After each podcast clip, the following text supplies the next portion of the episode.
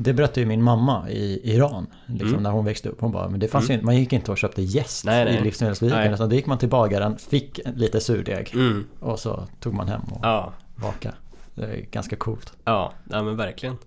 Det känns ju som en sån här väldigt modern och konstig grej när man tänker efter egentligen med jäst, de här fyrkantiga jästpaketen och eh, eh, ja, men den här kronjäst jästfabrik där, där det ja, en fabrik där det liksom växer bakterier. Ja, exakt.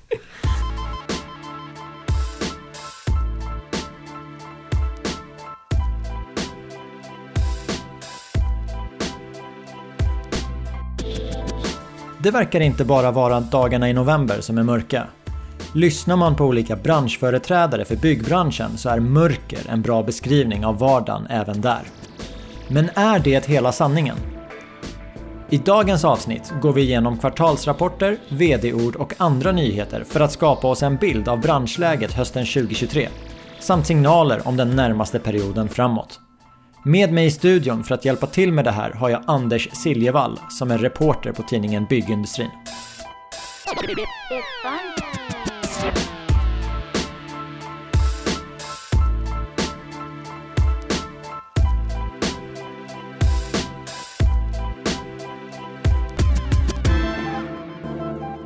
Från Tegnérgatan i Stockholm, varmt välkommen till hela kedjan Anders. Tack så jättemycket! I introt har jag eh, presenterat dig som reporter på byggindustrin. Så då vill jag ju såklart veta, vilket är det hetaste ämnet just nu på era redaktionsmöten? Oj, nej men vi, vi pratar ganska mycket om varsel, gör vi. Vi följer det som händer, det har ju börjat dyka upp eh, en del stora varsel i de större byggbolagen. Vi funderar på vilka som ska komma härnäst. Eh, något som är lite mer framåtblickande och kul är väl, eh, är väl eh, att prata om järnväg. Vi har haft en järnvägsspecial där vi belyst det ämnet ur olika vinklar. Och det är ju ja, men det är spännande att, att följa. Dels så har vi ju liksom det här start och stopp med, eh, med eh, det som tidigare var nya stambanor här med Ostlänken och så det är upphandlingar som pausas och omtag. Samtidigt hör vi att eh, ett NATO-medlemskap kan eh, leda till att vi behöver göra ännu mer investeringar i infrastrukturen. Vad kan det innebära? Kommer det bli liksom flaskhalsar med den här nya Fehmarn Bält-tunneln? Ja, det ja, händer extremt mycket. Och det är ju liksom, det är också svårt som branschmedium att bevaka det på rätt sätt. För det är ju liksom ett ämne för eh, Ekot och Dagens Nyheter och så. Hur ska vi hitta vår branschnära take på det? Det känns ju som att det finns ju en bredd just nu. För å ena sidan har vi det du nämnde, som Trafikverket ska investera 900 miljarder på 10 år. Och sen å andra sidan har vi husbyggare som vill investera noll just Mm. nu. Ja, Lite två skilda världar. Mm. Ja men verkligen. Det, det upprepar ju alla som ett mantra just nu att det är en tudelad marknad. Och det är den tudelade marknaden som jag har tänkt att vi ska prata om i det här avsnittet av Byggmarknaden. Där vi ska summera läget efter det tredje kvartalet.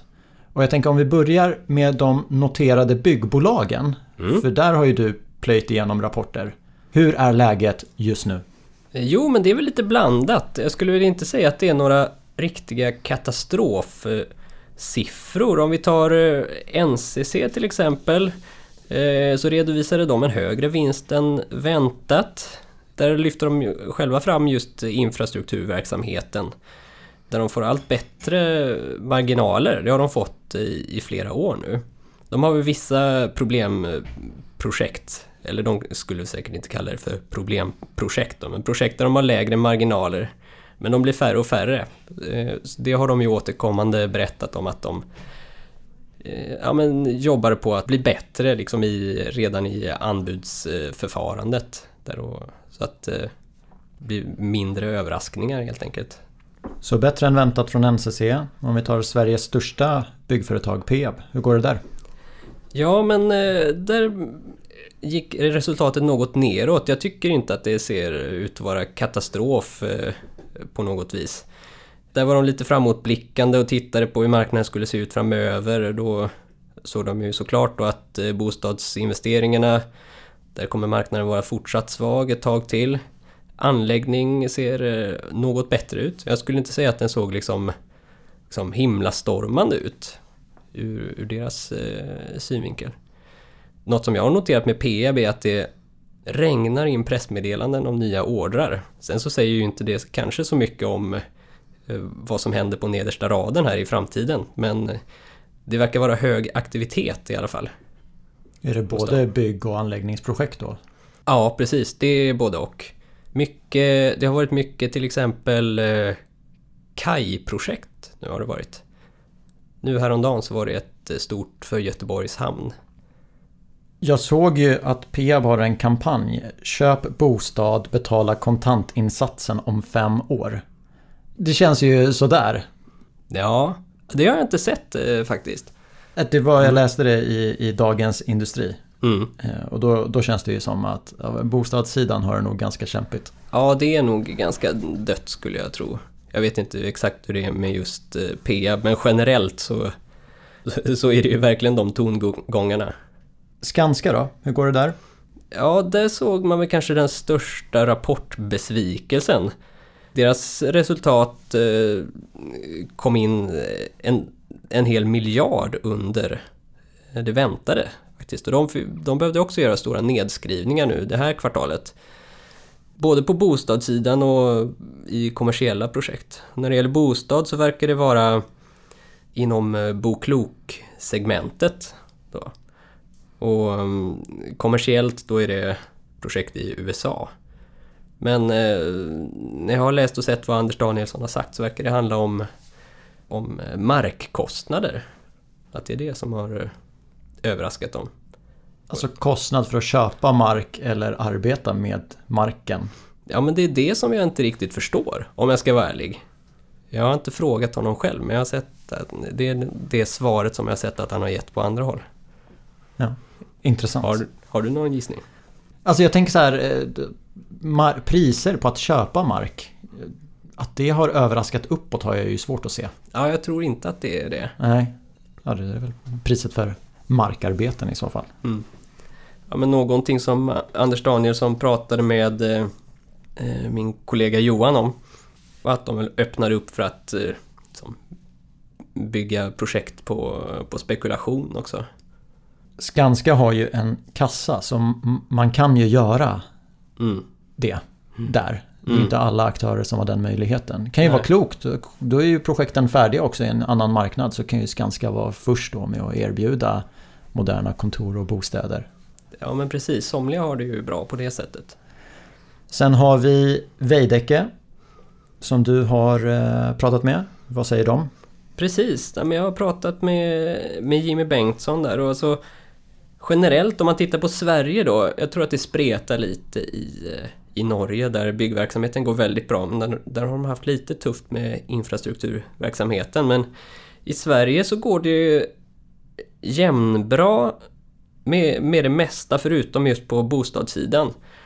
Men där är man, det är ju liksom det är inte så många bostadsprojekt som eh, pågår eh, just nu. Så det man har gjort då är att man har eh, varslat eh, personal inom just bostadsproduktion. För man ser att det kommer inte att komma ut några projekt just nu. Men eh, de fokuserar istället på att jobba med kunder i tidigt skede för att vara beredda när det vänder. Men det är väldigt svårt att säga när det vänder förstås. Hade Jimmy någon gissning på när det vänder? Nej, alltså han pratar ju om vad som krävs för att det ska vända och då är det ju liksom ett mera positivt räntebesked. Men eh, om det blir liksom nu på torsdag, då, ja, nu på torsdag när vi spelar in, eller om det kommer nästa år eller så, det, det vet vi ju inte. Nej, och det är lite ledtider från det positiva beskedet till att det börjar hända saker hos Veidekke tänker jag också. Ja, ja, men precis, så är det ju. Det Veidekke har gemensamt med de andra stora byggbolagen är ju att eh, man har börjat plocka från orderreserven. Det kommer inte in lika mycket nya jobb. Och då är Mm. det intressant att fundera kring ja, men hur länge framåt har man jobb innan det måste vända. Mm. Ja, men precis. Jag undrar om vi har det värsta framför oss eller om vi oroar oss i onödan. Nej, det ska jag inte säga. Det är många som har det tufft så, så det ska man absolut inte förringa. Ja, vi har ju sett varsel. Och det är ju ett tecken på att det inte går så bra. Men just den ekonomiska rapporteringen än så länge, den, den är ju stark. Mm. Men där är det ju intressant med Särneke. Kan du berätta om vad, vad har hänt där? Du har ju skrivit om det. Ja, men precis. Ja, men de har ju... eh, De är också lite svåra, eh, svårare att följa nu för tiden efter att, efter att de eh, köptes av eh, Doxa. Då. Eh, Men det de har gjort är att eh, det började ju redan tidigare i höstas är att man eh, la ner eh, de två regionerna Mitt och Norr. Serneke bestod tidigare av sju olika regioner. Då. Så Mitt och Norr försvann först. Och nu ganska nyss så försvann även Göteborg. Eller Göteborg gick upp i väst. Och Stockholm gick upp i eh, öst. Men eh, där har man också tagit ett beslut om att lägga ner all nyproduktions nyproduktionsverksamhet. Vilket innebär att eh, ja, i Stockholm var det ju 70 personer som, som varslades. För här känner jag att här har vi ju en nyhet som bättre speglar det branschorganisationen Byggföretagen vill förmedla. Mm. Eh, För visst att man kan gå från sju regioner till färre, men det är ju Mm. på pappret. Mm. Men Serneke har ju faktiskt försvunnit från orter. Mm. Om man lägger ner all nyproduktion i Stockholm. Det är ju, om någonting är ju det en varningslampa. Vet vi något mer om bakgrunden till att man lägger ner nyproduktionen i Stockholm? Det känns som ett ganska stort beslut. Ja, men det som de har sagt i sin kommunikation är väl dels att marknaden är väldigt tuff. Eh, det har varit eh, svårt att ta projekt. Samtidigt har det varit svårt att rekrytera personal, säger de i pressmeddelande. Eh, jag vet inte om det är specifikt för, för Serneke eller för hela branschen eller om det är vilken, vilken yrkeskategori de tänker. Eh, det var ju ganska nyss som eh, Serneke skapade de här storstadsregionerna. Jag tror att det var exakt ett år sedan som de bröt ut Göteborg från väst och eh, Stockholm från öst för att göra riktade satsningar. Men jag har svårt att se att marknaden skulle ha vänt så snabbt.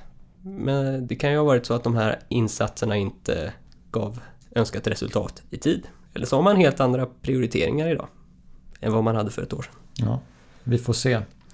Det var ju några av de noterade bolagen som jag kom att tänka på. Men som reporter på byggindustrin så har ju du örat mot rälsen. Det finns ju säkert flera onoterade bolag som du har en känsla av hur, hur det har gått för.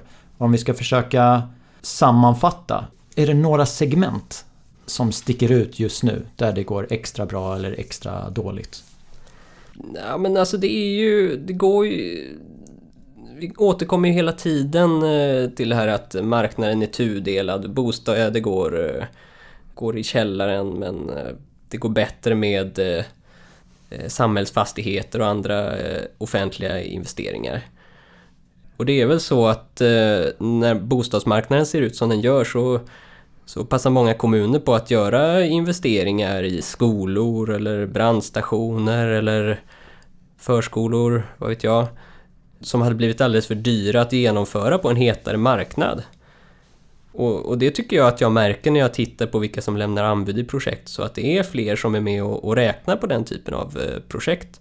Jag kan se liksom eh, tio anbud på ett eh, skolbygge liksom i medelstorlek, liksom i en mellanstor svensk stad. Och då är ju liksom då är det Skanska, NCC, Peab och Veidekke plus eh, flera stora lokala byggföretag.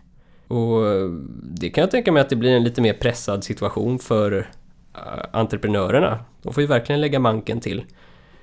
Sen kan jag tänka mig att vissa beställare kanske blir glada över att kunna konkurrensutsätta sina projekt lite mer.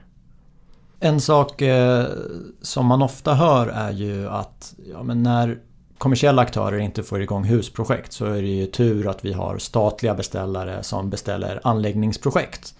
Eh, Och jag reagerade på en intressant sak när vi förpratade. För du sa ju att Svevias eh, orderingång inom anläggning, den har ju gått ner.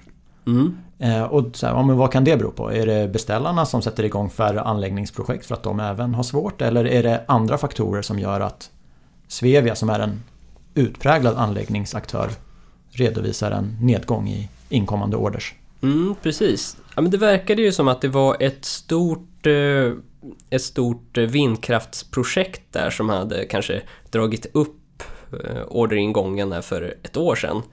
Så kanske att det blir lite skevt att jämföra på ett sätt, men de säger ju ändå att att orderingången har gått ner. Och det de lyfter upp också är att konkurrensen har blivit större om de rena infrastrukturprojekten just på grund av att det är färre husprojekt. Och eh, Svevia håller ju också på med en del grundläggningsprojekt och eh, de minskar ju såklart också då när det är färre husprojekt.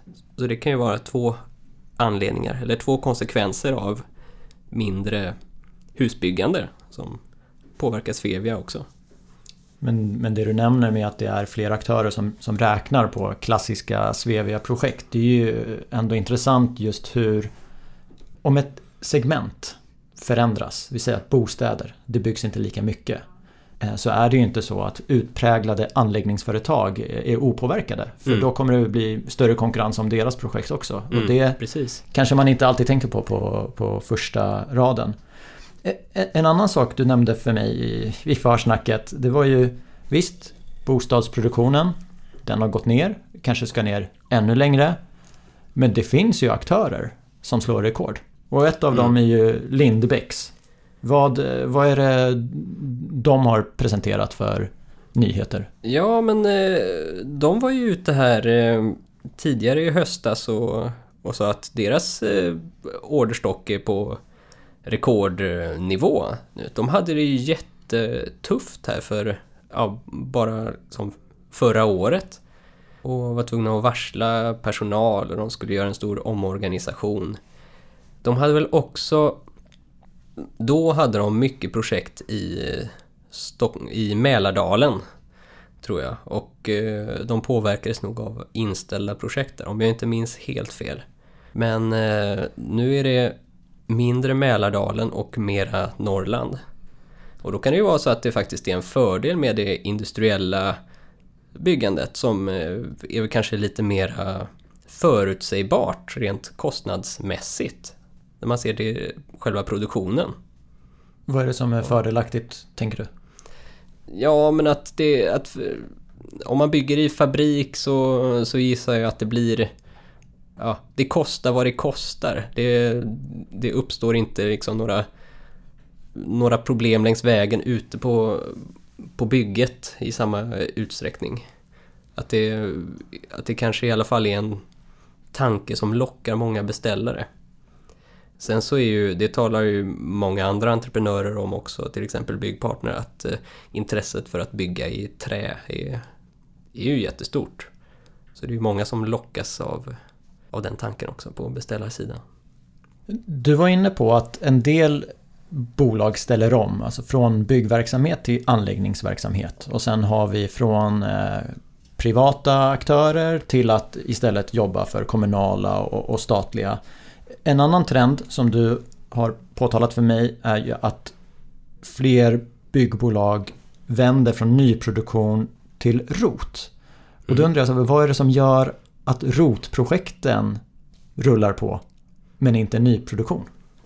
Ja, men jag tror att eh, många fastighetsägare ser det som en bättre lösning, en billigare lösning att vårda det man har. Man passar på att eh, renovera sitt eh, bestånd när, när marknaden ser ut som den gör. Det kanske har varit eh, allt för stort fokus på att eh, bygga nytt i, i många år. Men eh, nu inser man att nej, men nu, får vi, nu får vi pausa med det och så får vi vårda det vi har istället. Det kommer alltid finnas behov liksom, av renovera och hålla det befintliga beståndet i, i bra skick. Vi spelar in det här avsnittet i mitten på november 2023. Vi har redan hört om varsel. När vi tittar framåt. Jag menar, Boverket släpper prognos, byggföretagen släpper prognos, du har örat mot rälsen. Är vi överens om var vi befinner oss När de verkställande direktörerna skriver i sina VD-ord, hur ser 2024 ut? Alltså de, de flesta verkar vara eniga om att, eh, om att eh, 2024 kommer inte bli något eh, jättebra år heller. Eh, det verkar vara en prognos som de flesta är eh, överens om. Jag tänker att eh, från eh, bolagens sida och i VD-orden så vill de väl vara lite mera, mm, mera positiva än vad Boverket och byggföretagen är men det är nog ändå man är nog väldigt försiktig och väldigt avvaktande med att dra några slutsatser just eh, på grund av att man inte vet vad som händer med, med bostadsmarknaden. I Konjunkturinstitutets senaste konjunkturbarometer så var byggföretagen som eh, svarade där, de var mer pessimistiska än tidigare. Eh, Även i Riksbankens eh, senaste företagsundersökning för en månad sedan. Då tror man nu att eh, övrigt byggande inte längre väger upp tappet i bostadsbyggandet, vilket eh, är nytt då. Så att det, det är lite mer svartsynt än det har varit tidigare faktiskt. Och det borde ju synas, tänker jag, för det, vissa aktörer är ju lite längre fram i kedjan jämfört med byggföretag. Alltså om man tar teknikkonsulter och arkitekter. Det de gör nu, det är ju saker som ska byggas om ett år. Vad hör du därifrån? Finns det något att eh, lyfta upp? Mm, ja, min kollega Filip gjorde en intervju med Tobias Olsson, eh, förbundsdirektör på Sveriges Arkitekter. De räknar med att antalet arbetslösa arkitekter kommer att stiga kraftigt nästa år. Eh, de säger att de ser den värsta krisen sedan eh, 1990-talet. Det är lite svårare att eh, när man kollar på teknikkonsulterna tycker jag när man kollar på deras siffror, de är lite sådär spretiga. Men Afry har ju till exempel fått varsla på grund av bristande lönsamhet men där är det just i infrastructure segmentet vilket lite talar emot eh, det vi har pratat om eh, hittills. Den, den kategori som är värst eh, bland arkitekterna där är, är just bostads... Ja, arkitekterna på bostadssidan. Där var 6% av medlemmarna där arbetslösa just nu i oktober. Men sen tittar man på Sweco, de har ju liksom... De verkar gå fortsatt bra. Railers tittar jag på också, de hade ett bra kvartal. Eh, Men jag tycker att eh, det är, det är svårt att veta med teknikkonsulterna. De är ganska... De har en ganska bred portfölj många av dem och vissa av dem är ju riktigt, riktigt stora också. De sitter nog och hoppas på att det blir ett kärnkraftsbeslut kan jag tänka mig. För då kommer de ju ha att göra i 20 år. Mm, precis, det kan jag tänka mig. Det blir ju verkligen något att sätta tänderna i. Ja men samma sak med, på infrasidan. Till exempel eh, har jag pratat med Bjerking som har öppnat kontor i Luleå just eh, för att man tror på att det blir, kommer att bli mycket mer att göra där på järnvägssidan. Och gissningsvis också med den gröna omställningen. Så det, alltså det, det tror jag att många teknikkonsulter eh, hoppas på. De ligger väl kanske några år framför där och hoppas på att den gröna omställningen av industrin ska komma igång på allvar. Hur ser konkursläget ut just nu? Alltså konkurserna har ju ökat stadigt under en längre tid. Eh, och jag tycker mig liksom kunna se att det är åtminstone någon stor, alltså riktigt stor konkurs som man hajar till över varje månad. Har det varit nu. Och där har det ju varit lite, lite spretigt. Det har ju varit eh, Anebyhusgruppen, Eh, industriell trähusbyggare. Där har ju liksom verksamheten kommit igång igen med en ny ägare. BTH Bygg, eh, en ganska stor entreprenör inriktade på byggservice. Så det är blandad kompott men eh, annars så är det ganska mycket takläggare, det är puts och fasadföretag, elektriker, maskinentreprenörer. Eh, så det är verkligen blandat. Det är svårt att, liksom dra någon slutsats att det är något särskilt segment. Utan det är över hela, över hela spektrat kan man säga. En intressant sak är att eh, vi fick ju några utpräglade serieförvärvare i, i branschen. Instalco har väl handlat ganska mycket eh, Fasadgruppen, för att nämna en annan, Vestum. Eh, teoretiskt borde det ju vara lägre prislappar på bolag att förvärva nu. Mm. Men jag tycker ändå att det är färre pressmeddelanden om förvärv just nu. Mm. Ja men eh, det stämmer, det verkar vara... Det har jag också kollat på över, över tid och det var... Det var ett riktigt eh, race här för ett eller två år sedan. Men eh, det har väl svalnat lite med, med tiden. Jag läste om en annan sak som ni lyfte på byggindustrin eh, som fler borde ha koll på och det är ju uppskjutna skattebetalningar. Kan du berätta lite bakgrunden och förutsättningarna med det? Ja men precis, det var ju en... Eh, det var ju någonting som infördes under coronapandemin där som ett tillfälligt eh, stöd för eh, företag som hade det tufft under coronapandemin. Där man hade möjlighet att skjuta upp inbetalningar av moms och arbetsgivaravgifter. Och eh, det, det är det ju många i byggbranschen som har gjort.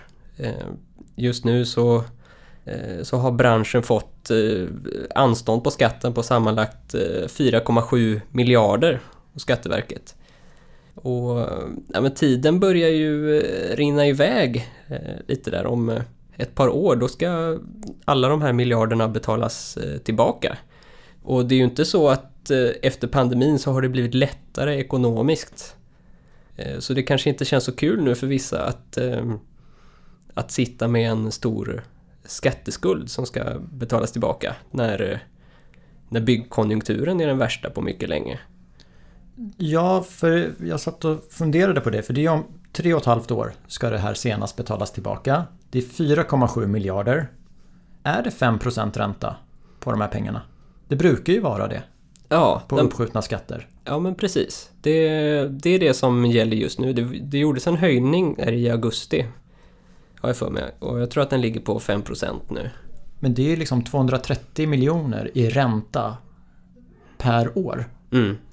Och så här, kan man inte betala tillbaka det här i, idag, för man borde vilja betala tillbaka det idag givet räntan, Mm. så har jag ju svårt att se att det ska vara bättre förutsättningar om tre och ett halvt år. Nej, Då är precis. skulden ännu större. Mm. Ni på byggindustrin tog ju fram en lista över de bolag som har störst eh, skulder. Kan vi säga något om den? Ja, men de som, eh, de som toppar den här listan är ju faktiskt eh, Serneke då som vi som per den första november då hade, en, hade ett anståndsbelopp på ja, nästan 500 miljoner. Och de, de, de sticker ju verkligen ut.